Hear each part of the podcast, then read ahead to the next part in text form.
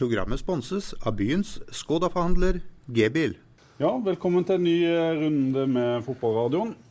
I dag skal det handle om eh, selvfølgelig litt fotball, eh, Jesper, men mest om eh, håndball. Ja, det skal det. I dag har vi invitert eh, to håndballspillere. Vi har eh, bestemt oss for å lage en håndballspesial. Nå er det så mye spennende som skjer med den ballen som er litt mindre enn fotball. Mm. Og jeg sjekka litt opp i disse to i går, så har jeg jo hatt gjester her med Håkon Oppdal og Espen Hoff. Det har vært vanskelig å finne noe på dem. men nå har du ene og alene stått for, for bookinga? Ja, nå har jeg ene alene stått for bookinga, og også gjorde litt research i går. Det var ikke vanskelig, for her var det veldig mye å ta. Så dette gleder vi oss til. Dette, altså, det, er to, det er én person som har vært mer gæren enn disse to. ikke sånn de siste 100 årene. Han har vært to ganger. Han har vært to ganger, Det er Tusse. Dette er nummer to og tre på pallen. Han ene det er Preben Vildalen.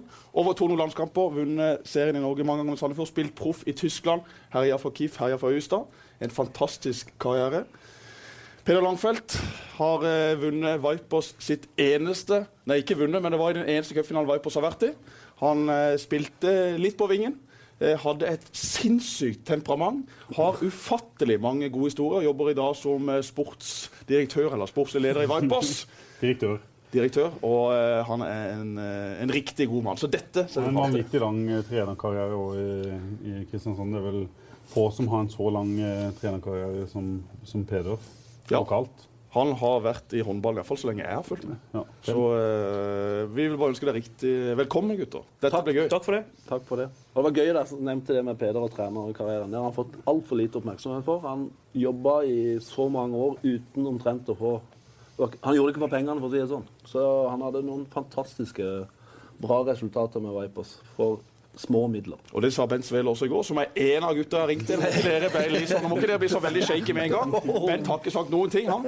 Men han eh, sa det at Peder har hatt en Det han gjorde med Vipers, eh, har han fått altfor lite kred for. Så da skal vi i hvert fall gi han kred her i fotballradioen. Ja, Peder, godt jobba med Vipers. Takk for det. Så må vi ta litt fotball. Jeg var inne på Facebook-sida til Peder i går, og så kikka jeg. Der lå det to bilder som profilbilde. Det var Liverpool-logoen, og så var det ett fra VM i eh, Brasil, fotball.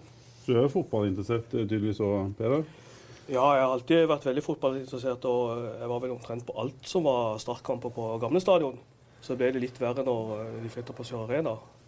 Eh, av forskjellige grunner. Men eh, Start har fulgt alltid.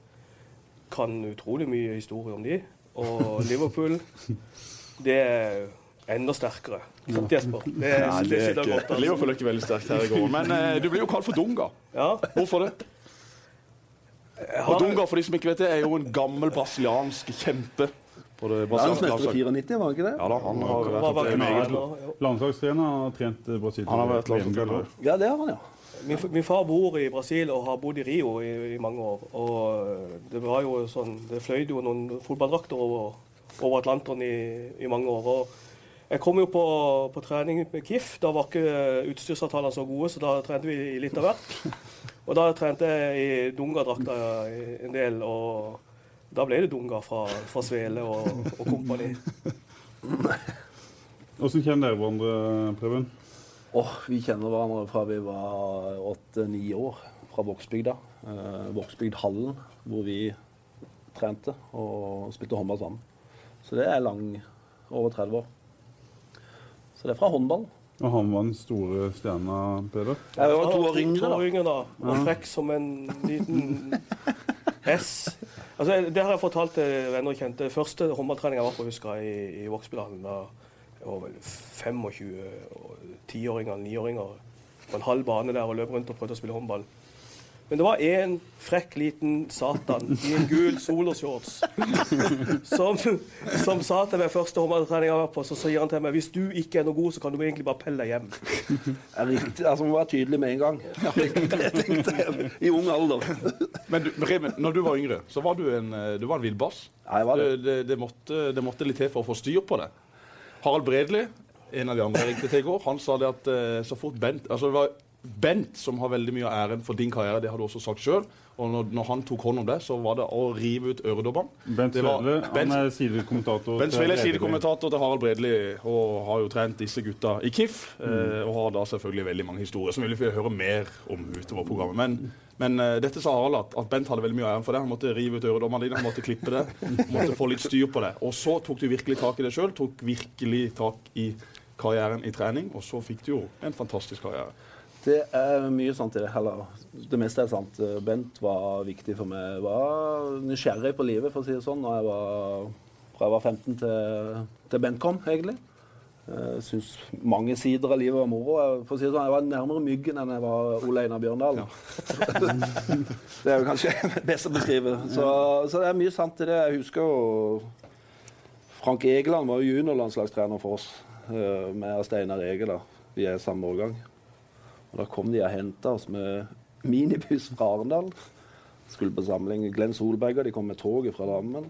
Der kom det to tøffe karer fra Kristiansand med dongerijakke og ti prins på, på brystlomma. Og satte oss da selvfølgelig helt bak oss, som de tøffe guttene gjør, inntil vinduet der. Og så Øy, er det lov å røyke i bussen? Der begynte vi. Ja. Så, det ble ikke så mange juniorkamper, for å si det sånn. Men dere to var vel antageligvis de på den bussen som fikk flest uh, Og det har vi ledet i etterkant. Ja. For de andre i den bussen fikk ikke, de fikk ikke A-landskamper. Så det er ikke alltid de snille guttene blir best. men som du sier, det, altså, det, går i en periode.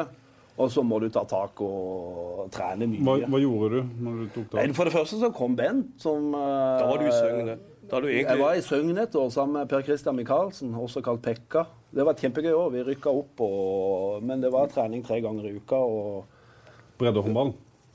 Ja, det var egentlig det. Mm. Og det var like mye på byen som jeg var på trening, for å være helt ærlig. Tre ganger i uka? ja, omtrent. Jeg bodde i byen òg, faktisk. Det var, det var, et sunt år. Men eh, nei, og da kom Bent. Jeg hadde bare klokketro på at jeg kunne bli god, og tok tak i meg og sa du kommer til KIF, nå skal jeg trene deg. Og siden eh, Og da fikk jeg tilbake den uh, lysta og motivasjonen til å Bent Svele gjorde jo noe med Herreholmmann her nede etter å ha mm. ligget litt i dvale og rota rundt på midten av tabellen i første divisjon, så, så, skapte han interesse og tok tak i treningskulturen. og og gjorde veldig veldig mye bra. Vi, eh, Gimlehallen da så tror jeg vi første året med han var oppe i 1500-1600 mennesker i snitt. Mm. For å si Det sånn, vi, det første han gjorde, det var som sagt vekk med øreringer og, og den type ting, og ikke lov å røyke i garderoben. Som, som, som begynte der, da. Så det er snakk om å begynne fra scratch, for å si det sånn. Men Peder, du spilte jo òg, eh, og Bent sa at du var bedre på bussen enn du var på banen. Ja, for en Nå har du en trener som ikke trodde på han. Men at du fortsatt, jeg mener at du fortsatt er forbanna over lite spilletid. Jeg mener det at han, han, uh, han er rimelig dårlig tillit til meg som håndballspiller. Det kan jo ha noe med kvaliteten min å gjøre. Men jeg, altså, skal, egentlig skal Bent ha all ære for det at det ble noe håndball i hele, hele tatt med meg. For jeg syns det var veldig gøy under han. Og jeg, jeg, spilte litt, jeg spilte ikke så mye uh, Du fikk sjansen mot Nordstrand en gang. Du hoppa inn to ganger fra vingen og bomma begge ganger. Ja, så ble, jeg ble av igjen, og så satt han bare og rista på huet. Tenkte han, da tenkte han at det er mulig å ta vare på den sjansen, ikke ta vare på den sjansen. Jeg så på han. Nei, gøy å komme inn på høyre vinge òg, da. Ja, da liksom skal han bygge meg opp, og så hiver han meg på feil posisjon. Det er jo, det er jo litt typisk. Hvordan spiller var du, Peder?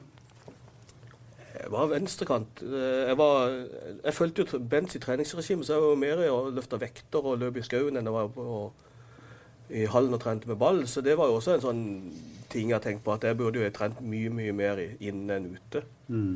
Men jeg var en, en vingspiller som var bra trent og helt ordinær. Mm. Jeg, ble, jeg, ble, mye bedre etter Bent reiste.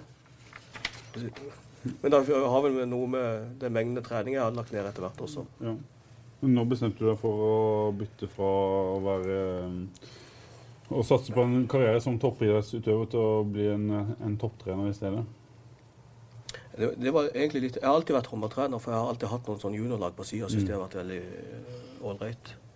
Uh, siste året når vi rykket opp igjen med Per Våre Torvik, så kjente jeg at nå hadde jeg ikke lyst til det der lenger. Og da var jeg trener for uh, Joakt damelag. Og så gikk det vel et halvt år, og så måtte KIF ha ny trener. Og da overtok vi og Rade Koruga det laget. Da var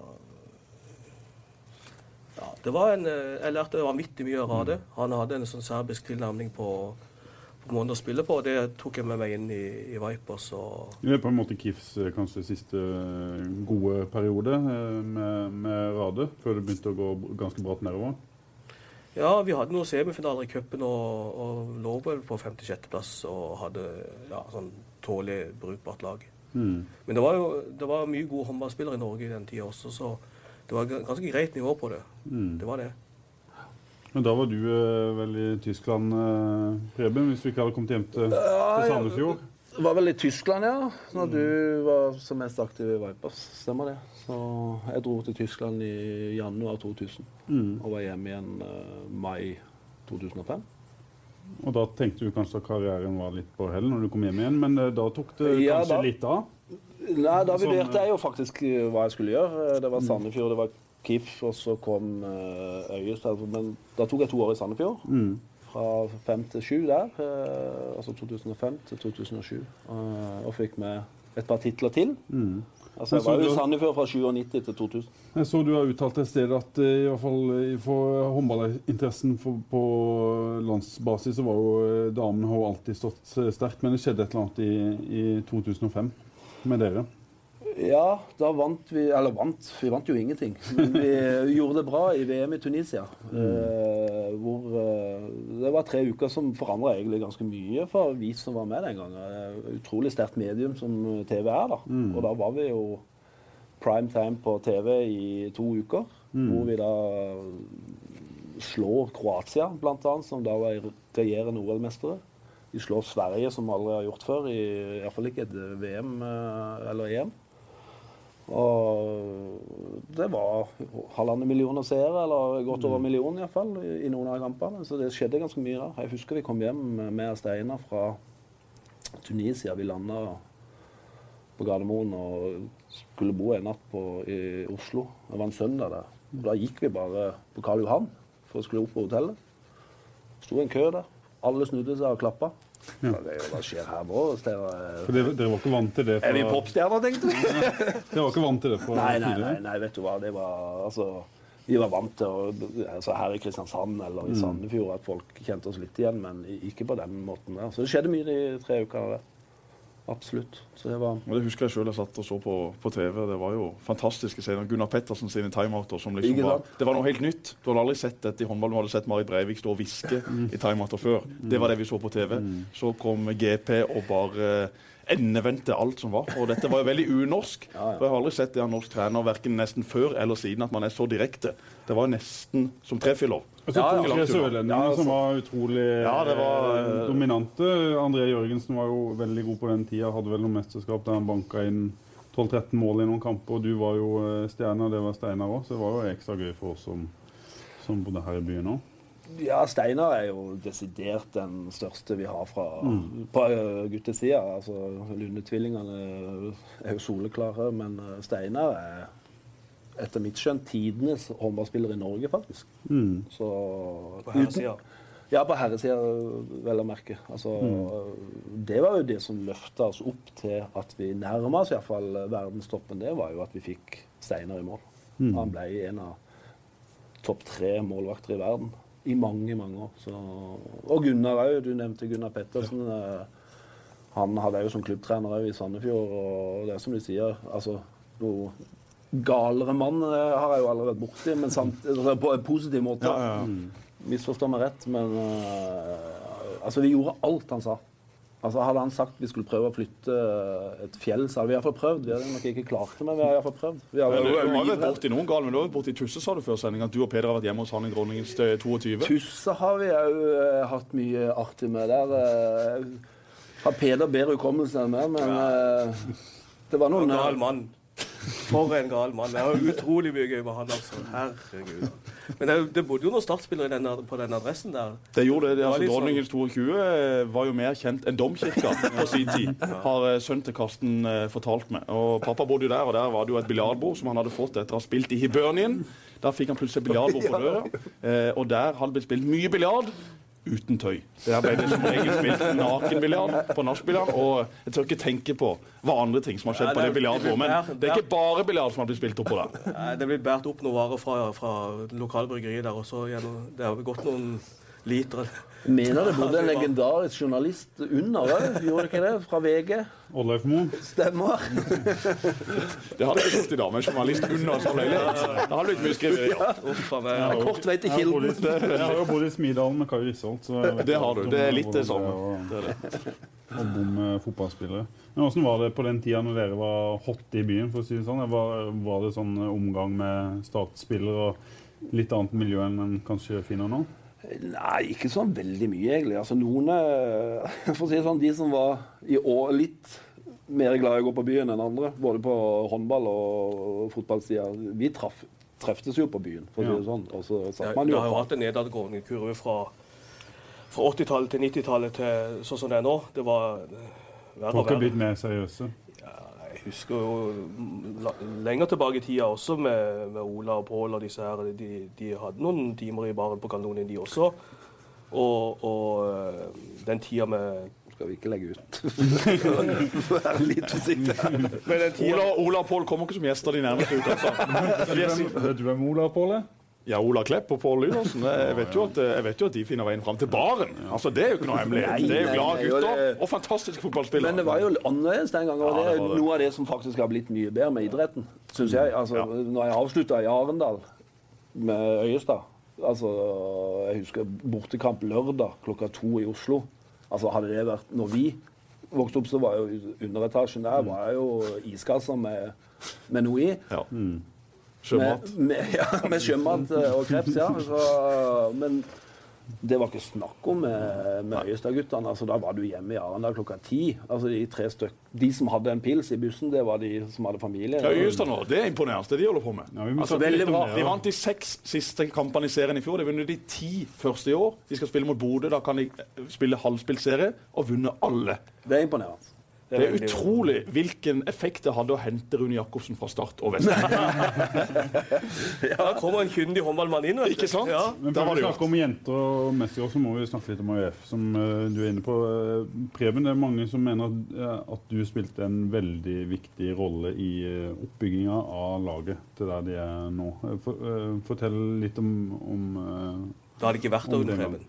ja, Du mener det? Nei, det, det, det han gjorde i Øyestad med å løfte det opp sponsormessig, interessemessig Han fikk økonomi i det.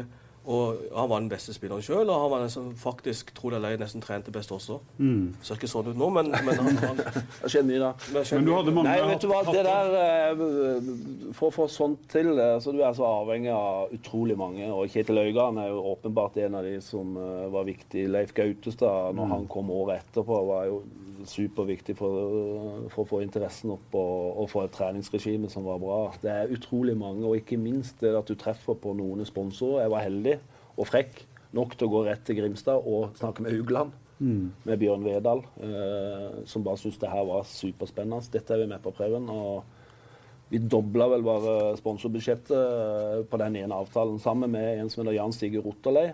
Så vil jeg faktisk si at de to er nesten de viktigste i Øyestad-historien. De skjønte at jeg var god til å løpe rundt og få tak i sponsormidler og kunne spille og alt dette og skape en entusiasme, men de skjønte òg at det må være noen bak til å rydde litt. Og Jan Stig han- er samme mann som i dag putter penger i Arendal fotball. Så er det ikke det? Det er både i Så er Arendal det trauma. Ja, fortsatt i trauma. Han putter penger i stort sett all barneidrett og, og toppidrett. Både Øyestad og, og Arendal fotball. Så en fantastisk, altså Viktigste mannen for idrett i Arendal uten tvil er Jan Sigurd Ottele. Så det var bare også push. Så hadde de et godt lag. altså Masse unge med Sondre, Erik Heia Pedersen og altså Det var jo 25 bra talenter, så jeg skjønte fort at her er det mulig å få til noe. Og så var nivået òg, og det må eh, altså var ikke veldig sprekt. Så jeg skjønte at her er det ikke så fryktelig mye. Jeg begynner å trene litt, og så få, litt, eh, få inn en god trener. Og da bare balla det på seg. Det ble bare mer og mer og mer. Og Peder sier at du var kanskje en av de som trente mest. Var det viktig for deg å gå foran? ja, for det var viktig for meg egentlig å ikke avslutte som en halvfeit eh, eksproff. Og eneste de husker, var at jeg var god. Altså kjeften gikk fortere enn beina. Eh, Så det var jeg egentlig opptatt av. Altså jeg løp veldig mye, faktisk. Jeg gikk ned ti kilo for å tenkte at eh, Jeg må jo stå inne for det jeg har sagt nå til sponsor og alt dette. Så, så det, ja, jeg trente bra akkurat de årene der. Du fikk én sesong i Én Eliteserien. sesong i eliten, så ga jeg meg. Så jeg ga meg akkurat i tide. For Ja, si det sånn. var toppskåreren første kampen, tror jeg. Ja, det som var gøy, det, det var jo mot Sandefjord eh, fra gamleklubben. Men da var jo Sandefjord på vei ned. Holdt jeg på å si, så. Nei, Nå må det du var, snakke ned det. Nå må du ikke snakke ned deg sjøl. nei, jeg snakker snakker Peder. Nei, jeg har Altså, den, han, har, han har over 200 landskamper for Norge. Det er ikke mange som har det. Jeg prøvde å finne ut i går ved, de, de, Håndballforbundet hadde en veldig fine hjemmesider i fjor. Det var masse Ja, men i år det er katastrofe hjemmesider! Altså, jeg har spilt så mye på norsk håndball. Jeg har spilt så mye på Oddsen. De gamle De sidene var en drøm. ned norsk håndball. Ja. Det Og så er- kommer de opp med noen nye sider som har brukt masse penger, som ikke håndballen har, til å lage ei side som er totalt ubrukelig. Katastrofe. For det heller. Nei, de har ikke det. De skal få mer kjeft. og De får det her i dag. Jeg prøvde å finne adelskalenderen. eh, Antall landskamper det var lett å finne før. og Så gikk jeg inn på statistikk. Det eneste som sto der, det var Golden League i Nadderud Arena 2015. Det var det som sto på Ja, statistikk. Preben er vel, det er vel Nummer fem tror jeg Preben eh, er. ja, det kan nok stemme. eh, Det er vel Roger og Steinar og Jan Thomas og Håvard. Jan Thomas, han stylisten. listen. Ikke lø... Nei. Lauritzen heter han. Ja. Jeg husker han venstrehendt bakspiller. Stemmer det? Ja. Fra Sarpsborg. Programmet blir sponset av byens Skoda-forhandler G-bil. Herrehåndballen har jo ikke hatt den standen i Norge som damehåndballen har vært. Og alle de beste spillerne vi har hatt, har spilt ute. Så de har jo på mange måter ikke fått den oppmerksomheten som, som jentene har fått. Uh, også fordi at ikke de har vært så gode i mesterskap, selv om herrehåndball og damehåndball på mange måter ikke kan sammenlignes. Men vi har hatt uh, og har større stjerner i utlandet enn vi har hjemme. Det, er- det Bjarte Myhrvold gjorde i Tyskland, er helt fantastisk unikt. Eh, vi har en Harald Renken nå som er på vei fram. Sagosen. Sagosen i Aalborg er han ruler i Danmark. Han er så han er fantastisk god. Men er det noe på gang, eh, Preben, du som følger litt etter? Og er det liksom bare en, eh, en prestasjon i et mesterskap som skal til før det tar fullstendig fyr i januar? Ja Altså, jeg skulle gjerne ha sagt ubetinga ja til det, men jeg er superbekymra for norsk håndball eh, på herresida, for å være helt ærlig. Jeg syns òg det de har gjort sånn mediemessig, å gå vekk fra TV 2, tror jeg òg er helt feil. Hiring for your small business? If you're not looking for professionals on LinkedIn, you're looking in the wrong place. That's like looking for your car keys in a fish tank. LinkedIn helps you hire professionals you can't find anywhere else, even those who aren't actively searching for a new job but might be open to the perfect role. In a given month, over 70% of LinkedIn users don't even visit other leading job sites. So start looking in the right place. With LinkedIn, you can hire professionals like a professional. Post your free job on linkedin.com/people slash people today. Mm. Altså, OK, vi fikk ikke veldig mange kamper på Sebra, eller, men du var ukentlig iallfall på, på nyheter og den type ting. Ja, du hadde, du hadde håndball ekstra. Og... Altså, jeg Du så så likt med fotball når de gikk bort fra TV 2. Så skal ikke jeg sitte og snakke om TV 2 her. Men, eh, men Jo, det eh, det er klart at produktet, altså det å gi det oppmerksomhet i de riktige mediene, i de riktige kanalene, det har ekstremt mye å si. Og jeg finner nesten ikke altså Jeg har vært inne på denne sida, som også jeg syns er dårlig. Du får ikke sommerkamper. live-resultatet heller lenger? Nei. For Eh. uh, spiller Podsen? og skal inn og se hvordan det ligger an i kampene? Nei, og det er, jeg er oppriktig bekymra. Og rekrutteringa altså jeg kommer, Du sjøl kommer fra et fylke hvor eh, de på 80- og 90-tallet produserte eh, talenter på løpende bånd. Altså Nå er det nesten ikke eh, lag igjen der borte på guttesida. Så skal ikke være altfor negativ, men jeg tror det er en vei å gå. Jeg tror det, det er klart Mye kan endres med at de gjør et pangmesterskap og kommer til en semifinale i VM nå i, i Polen i januar. Eller EM, eller eh, EM. EM, ja. Så er det klart eh, Du kan få en oppmerksomhet eh, en periode. Men det så du fra 2005. altså det var jo ikke veldig le- altså Du blir fort glemt òg. Ja da. Og det, og det som er problemet til norsk herrehåndball, er jo at man er så godt vant med jentene. Altså, det er resultatmessig. Jeg syns jo herrehåndball er mye gøyere å se på enn damehåndball. Men resultatmessig så skal jo hele Norge se på damehåndball i desember. Ja, ja. 1,8 millioner seere så Norge-Frankrike i VM i Brasil. Det er den høyeste, eh, det høyeste seertallet noensinne på idrett i Norge. Og det ble sett ei uke etter at mesterskapet er slutt, så spiller eh, Larvik mot Byåsen i cupfinale. Det er nesten akkurat de samme spillerne. Det er 1,7 millioner seere borte. Det er det 100 000 seere som ser det. Det er helt ekstremt. Det er blitt en sånn tradisjon i Norge at advent og norsk damehåndball det hører sammen. Da skal alle samles med en mandarin og litt god gløgg. Så skal de se på håndball. Og så er det borte. Altså Det er Norges mest populære TV-begivenhet i desember. De elleve andre månedene så er det ingen som ser på det i forhold. Og det er jo det som er utrolig spesielt. Ja, ja, det er kjempespesielt. Så, Peder, du opplever det fra innsida. Vi får flytte fokus over på, på damene nå, som skal i ilden eh, lørdag mot Russland. Da er begge dere to i, i Fredrikshavn og, og ringside. Stemmer. Og Peder, du får lov å være litt på innsida. Hvordan har du opplevd eh, Ja, bare for å ta det, for Peder er jo alltid på mesterskapene til damene. Altså, I TV 2 han er jo, han er, altså, Alle jeg snakker med i TV 2 i Bergen og Oslo, kjenner jo Peder. Han kommer jo på alle mesterskap. Han var til og med på mesterskap i Kina! Og vet du hvorfor? Jo, for tilfeldigvis så var Peder på en jobbreise i Korea, i Sør-Korea i disse dager. Helt tilfeldig. Hadde ikke, hadde ikke tenkt meg at det var et mesterskap i Kina. Men der dukka han opp. Ja, Da var de imponert. Ja, men over til Nei, men det, det er faktisk ikke helt riktig på det. Fordi at jeg har eh, fulgt, TV 2 har fulgt håndballen i alle år. Og jeg har fulgt eh, min gamle trener Bent eh, overalt og rundt forbi. Og jeg fulgte jo først herrene i mesterskap. Eh, og de, men de spilte jo mesterskap i januar. Men nå er det sånn blanding av business og pleasure for deg, i og med at du også eh, Ja. Og det var det også når jeg var herretrener. Så var det også det. fordi du fikk kontakt med, med spillere, du fikk kontakt med viktige personer i håndballmiljøet, du fikk kontakt med agenter i forhold til KIF, håndball og de tingene der. Og når gikk over på damesida, så, så vice versa da på damesida. Har du eksempler på noen du har plukka til Vipers fordi du har eh, fulgt godt med og vært eh, på? Det er noen nederlendere der. og... Ja, og Louise Pedersen annet, eh, når hun, hen- hun hadde jo 100 kamper for Danmark og spilte mm. mesterskap i Kina annet. Og, Men i Kina så, så, så har jeg også en historie fra Harald. For jeg måtte ringe Bredelin i går, som sagt. Og det første han sa Og i helvete, er du sikker på at det er smart å invitere de to? Er de edru? Er de edru? Da hjelper det på. Det var en historie nede, nede i Kina.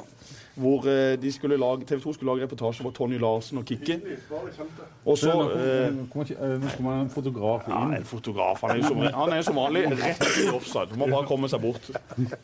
Eh, Kjartan Bjelland. Ja, han er en eh, flink fotograf ja, da, og, en, og en fin fyr, men akkurat Han er der. Han passer ikke inn i denne settinga. Det er en grunn til at han ble fotograf. TV 2 skulle lage reportasje da, om Tony Larsen og Kikki. De skulle ha det opp altså, i en sånn sykkeltaxi, og der satt det da en eh, kineser eh, som ikke skjønte bæret av hva de ville. Og så kommer eh, da Peder og Bent gående litt bortenfra, og han her sykkeltaxisjåføren han lyser meg opp! For her kommer det en av mine egne. Han trodde at Peder kunne dette. Jeg tror det var tolk. Så han smilte. Han trill rundt, han ikke en tann i kjeften. Og vinka med hendene og begynte å bable på kinesisk. Og så skulle jeg oversette, og jeg skjønte ikke en dritt. Og så Svele holdt jo på å lese i hjel, og Harald holdt jo på å lese i hjel. Så det ble en sånn veldig komisk setting, dette her. Alle, hele damelandslaget holdt jo på å knekke seg latter. Ja, ja. Sånn er det. Men, men Katrine Lunde, hvorfor i all verden er ikke hun tatt med i dette mesterskapet? De skal møte Russland i første match. Hun spiller i Russland. Hun kjenner alle disse russerne. Hun kunne stått og plukka skudd. De skårer aldri på på trening. Ja, for meg er det uforståelig. For meg er det helt uforståelig. Jeg vet hvordan det er å ha en motstander som er kanskje verdens beste målvakt. Du har enorm respekt for henne som spiller. Og spesielt hvis det er litt tight og du får en, hun får en brukbar kamp, så blir du utrolig skuddredd. Eller redd for å fyre av et skudd med en sånn målvakt. Så jeg forstår det ikke. Det, Nei, det er spesielt. Det synes jeg, øh, og det legger jo et enormt press på de to som er med. Det gjør det. Jeg tenker jeg. Altså, Hvis ikke de lykkes, så er det jo fra første kamp. Så Særlig blir det et mas. igjen har åpna for å hente henne inn. Det syns jeg kanskje Det er nesten er enda mer spesielt. Det er Og, nesten så du tror det har, er noen andre grunner vet du, enn det Og så hører du jo, uttaler jo etter møbelringen at eh, de føler jo nesten da at allerede da er det nok. Altså, de, de føler jo eh, pressen vil ha de ut. Ønsker de skal stå dårlig. Og, og at de har kjent på det allerede bare i løpet av en weekend. Det er klart, altså Når du møter en sånn keeper, det husker jeg sjøl når du skulle skyte på Steinar, så prøvde du å lime han mye nærmere krysset. altså du, Så skulle du ta litt ekstra i, og så så går han ut.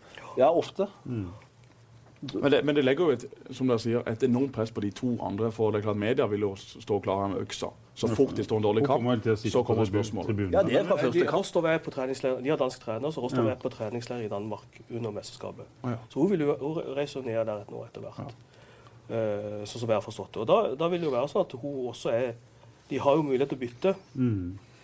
For Hun er, ing- hun er jo reserve i utgangspunktet. De kan jo gjøre noen bytter. eh, Men det skal jo litt til. Og så er det jo vanskelig å ta Tore på når han har vunnet alt de siste årene. Så er det klart at han har liksom Ja, han har litt å, han har litt å gå, gå på. Mm.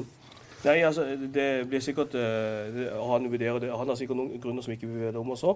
Så det er sikkert veldig vurdert. Og de har en målvaktstrener som har vært en av verdens beste målvakter også, i Mats Olsson. Så det ligger noen vurderinger bak her som sikkert er velbegrunna. Men det er ikke bare å hente henne hjem nå, Peder, sånn at de liksom kan se henne uke inn og uke ut her? Ja, det har vært veldig hyggelig. Hun er jo i byen nå, så jeg har hatt en kaffe med henne og hørt litt hvordan planer hun har, men, men ikke jeg traff, nå, nå skal jeg gi litt inside i den forbindelse. Jeg var jo på starttrening her for et par-tre måneder siden. Der sitter, oh, sitter, det, der sitter det en fyr og noterer og med notatblokk og i en treningsdress. Jeg, eh, journalist som jeg, går jo og presenterer meg og hilser på han. Og det var da mannen til Katrine Lunde som Akkurat. satt og noterte på, på starttrening. Som er eh, gammel fotballspiller og eh, sikkert ønsker å ha en eh, trenerkarriere. Så jeg tror han kanskje var der for å presentere seg, og tenker kanskje at skal han ta et juniorlag? Start skal jo ha ny trener, så kanskje han kunne tatt uh, trenerjobben og så fått Katrine hjemme i buret. Ja, altså Det er jo mange gode løsninger der når du har fotballspillere og håndballspillere. Eh, så eh, Men vi får se. Katrine kommer hjem på et eller annet tidspunkt, så får vi håpe det er så tidlig som mulig. men hvis jeg skal matche lønna, så må Nord betale. da, da kan jeg gå på Terje sitt budsjett. Hun kan jobbe på Firvennen. Jeg holder på Feven. Ja. Hun kan, selge- hun kan gå til Tusse og selge litt kulepenner. Tusse selger kulepenner for millioner i år, så eh, hvis Tusse går inn som sponsor, så må du seg. Men hvor langt unna er det det nivået som eh, kvinnelige håndballspillere kan få ute i de beste klubbene i Europa? Ja. Vi er langt unna. Hva, hva snakker vi? Kan du liksom eh, Vet du hva, hva de Jeg vet har? at det er klubber i Øst-Europa betaler millionlønninger netto. Ja. Fri bil og leilighet. Eh, no, det er ikke mange klubber, men noen gjør det. Jeg var hos Larvik håndball i går, og da fortalte de litt om akkurat den problemstillingen. Fra å gå fra halvannen million da, netto i Ungarn, hvor du har fri bil, leilighet Og og ting ikke koster dritt. koster 70 kroner for mat i uka, og kommer du hjem til Larvik, så får du toppen 750 000. En vanlig arbeiderlønn? Van, ja, vanlig, det er for så vidt god lønn, men uh, da skal du betale bil, husleie og alt det her, så er det ikke så mye igjen. vet du. Sånn sett, hvis du tar det i forhold til hvis du ofrer utdannelse og de tingene der, så er jo det et dilemma. Absolutt. Så det er ikke lett å Så det er vanskelig å konkurrere om de aller, aller beste. og Det, det, det må vi huske at når du, når du skal konkurrere i toppen av norsk damehåndball, så konkurrerer du også i toppen av verden. Altså blant de aller beste lagene i verden. Og da er det veldig få spillere å velge mellom. Det finnes mange gode håndballspillere som ligger på et nivå som er eh, ja, fra Vipers og nedover. Et sånt nivå altså blant de 30-40 beste lagene i Europa.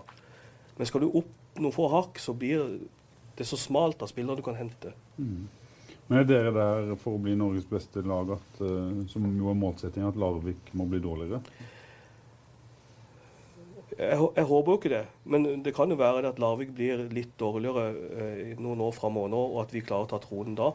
Mm. Eh, men vi må være klar over hvilket, hvilket sportslig nivå nivå vi er på. Mm. Fordi at eh, Hvis du skal ta dem når de er i semifinalen finalen i Champions League, så er du altså, må du altså være topp fire i, i verden. Men et par år om ny trener neste år. som Det er en eh, fantastisk ung, fremadstormende trener som har veldig bra meritter bak seg. Og Du kommer fra Glassverket. Ja, han har vært i Stabekk eh, og i Mjøndalen og innom Drammen. Var assistent til Marenko når Drammen vant uh, seriemesterskapet eh, for noen år siden. Eh, en arbeidsom, eh, moderne, veldig likende god håndballtrener. En ambisiøs signering, tenkte jeg. i hvert fall når jeg, så det og ser merittene hans. En ung mann som har hatt kjempesuksess der han har vært, og får gode skussmål.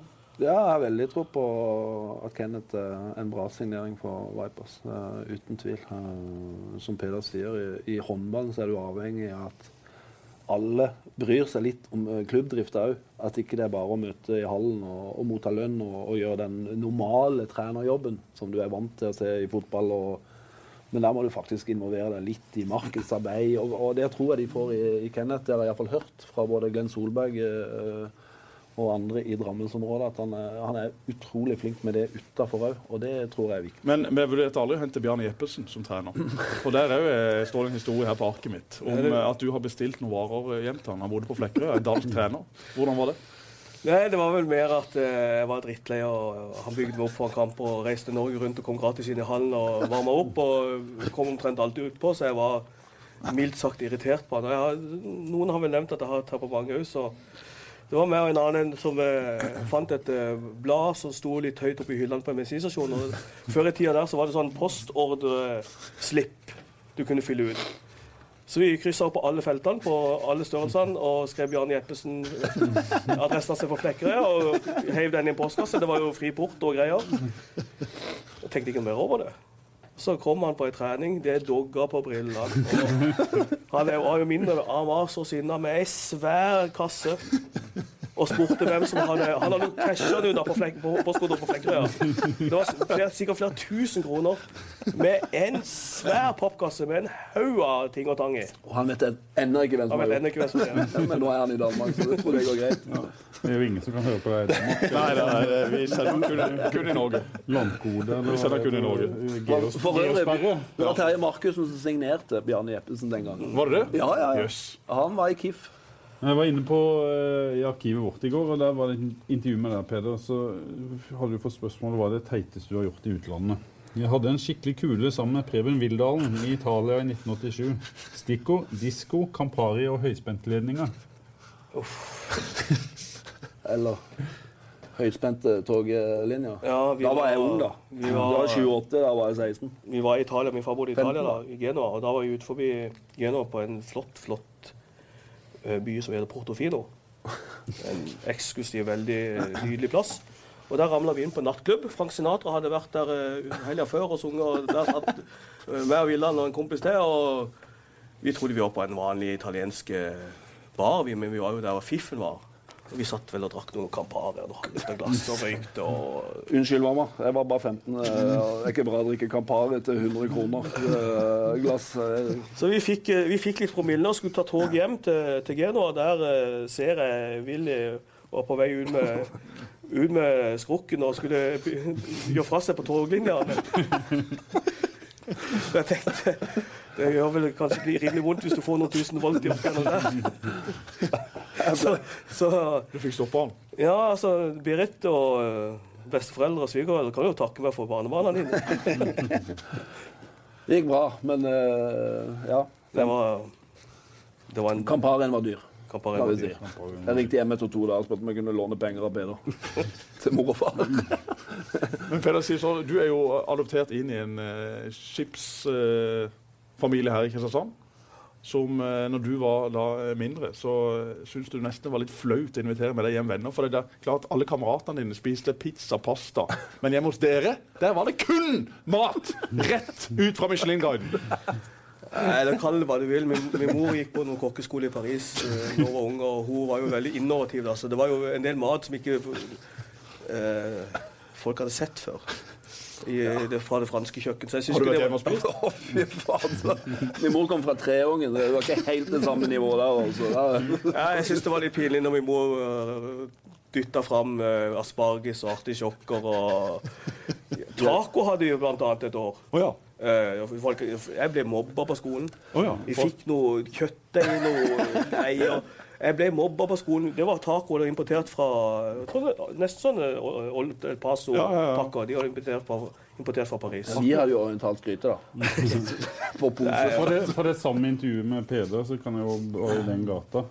Så fikk han eh, spørsmål om beste reiseopplevelse, og da svarer han at min beste hotellopplevelse er den gangen jeg var med min far på et rederseminar i Italia.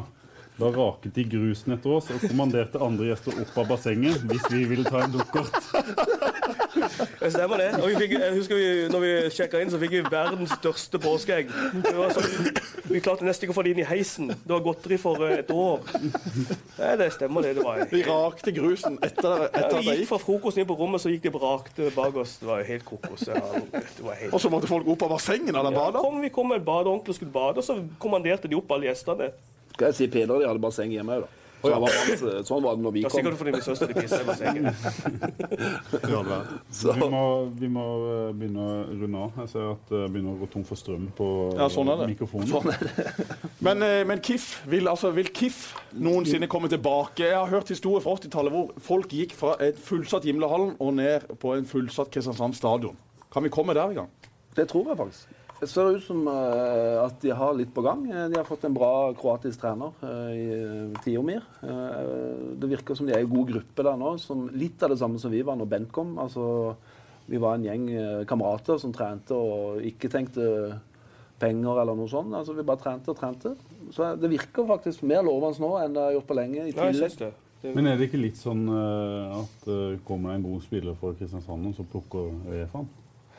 Vært- altså, Rollene har jo snudd fra 80- og 90-tallet, da, hvor KIF var det før når vi henta Kjetil Øygarden. og Da gikk de andre veien. Det handler kanskje om å bygge et miljø men så det er utrolig lite som skal til for at Ja. Mm. KIF tar over rollen igjen. For håndballinteressen i Kristiansand er egentlig ganske stor.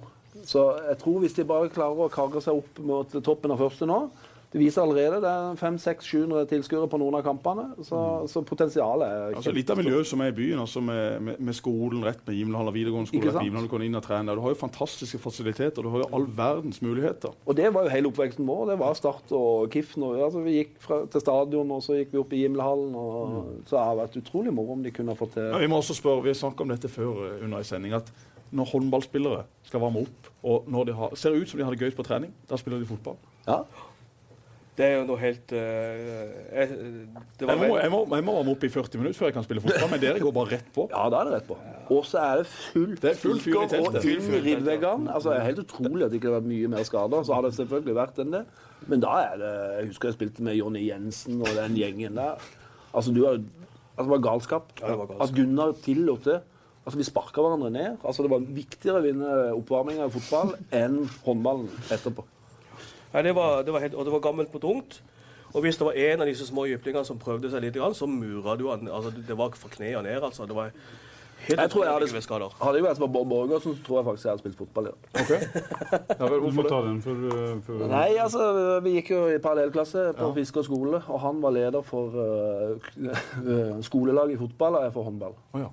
Så tok ikke han meg ut på fotball. Jeg var jo klart den beste spissen. Jeg var slapp, men eh, for jeg var aldri over midten. Ja, men du vet, Bård liker jo ikke folk som er slappe. Det er viktig med holdninger for Bård Borgersen. det- er alfa og omega. Og det hadde jeg ikke nok. Eh, ja, det, det, så, OK, da. Du måtte tatt ut Ja, den tipakken i han lomma. var jo så han var, ganske, eh, han var ganske flink i håndball. òg. Tror du han kom på håndballaget? Nei. Han var ganske høy i Preben, så var jo liksom sånn når, når, når Tusse han er jo høy. ja, når Tusse sto inn Hvis ballen ikke var ute av fylket først, da, så, så slo inn på stadion og traff Strandli på huet, så, så var det jo mål. og det var jo liksom, Hvis ballen kom inn i feltet, så var han jo en hue høyere enn de andre. Sånn. Strandli er en annen. Var bra i håndball. Ja. Ja.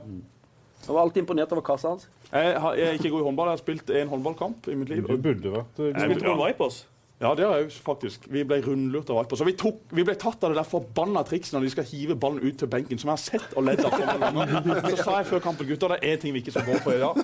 Og så kommer det plutselig liksom en feilpasning fra en Viper-spiller. Hva kaller dere dette trikset? Svensk alt mulig. Ja, vi kan svensk, eller vi kaller det alt Ja. mulig. Kan- Ballen går i hvert fall ut mot benken. Der kommer det plutselig ut en spiller, og så er de alene med keeper, som da var Kenneth Høie.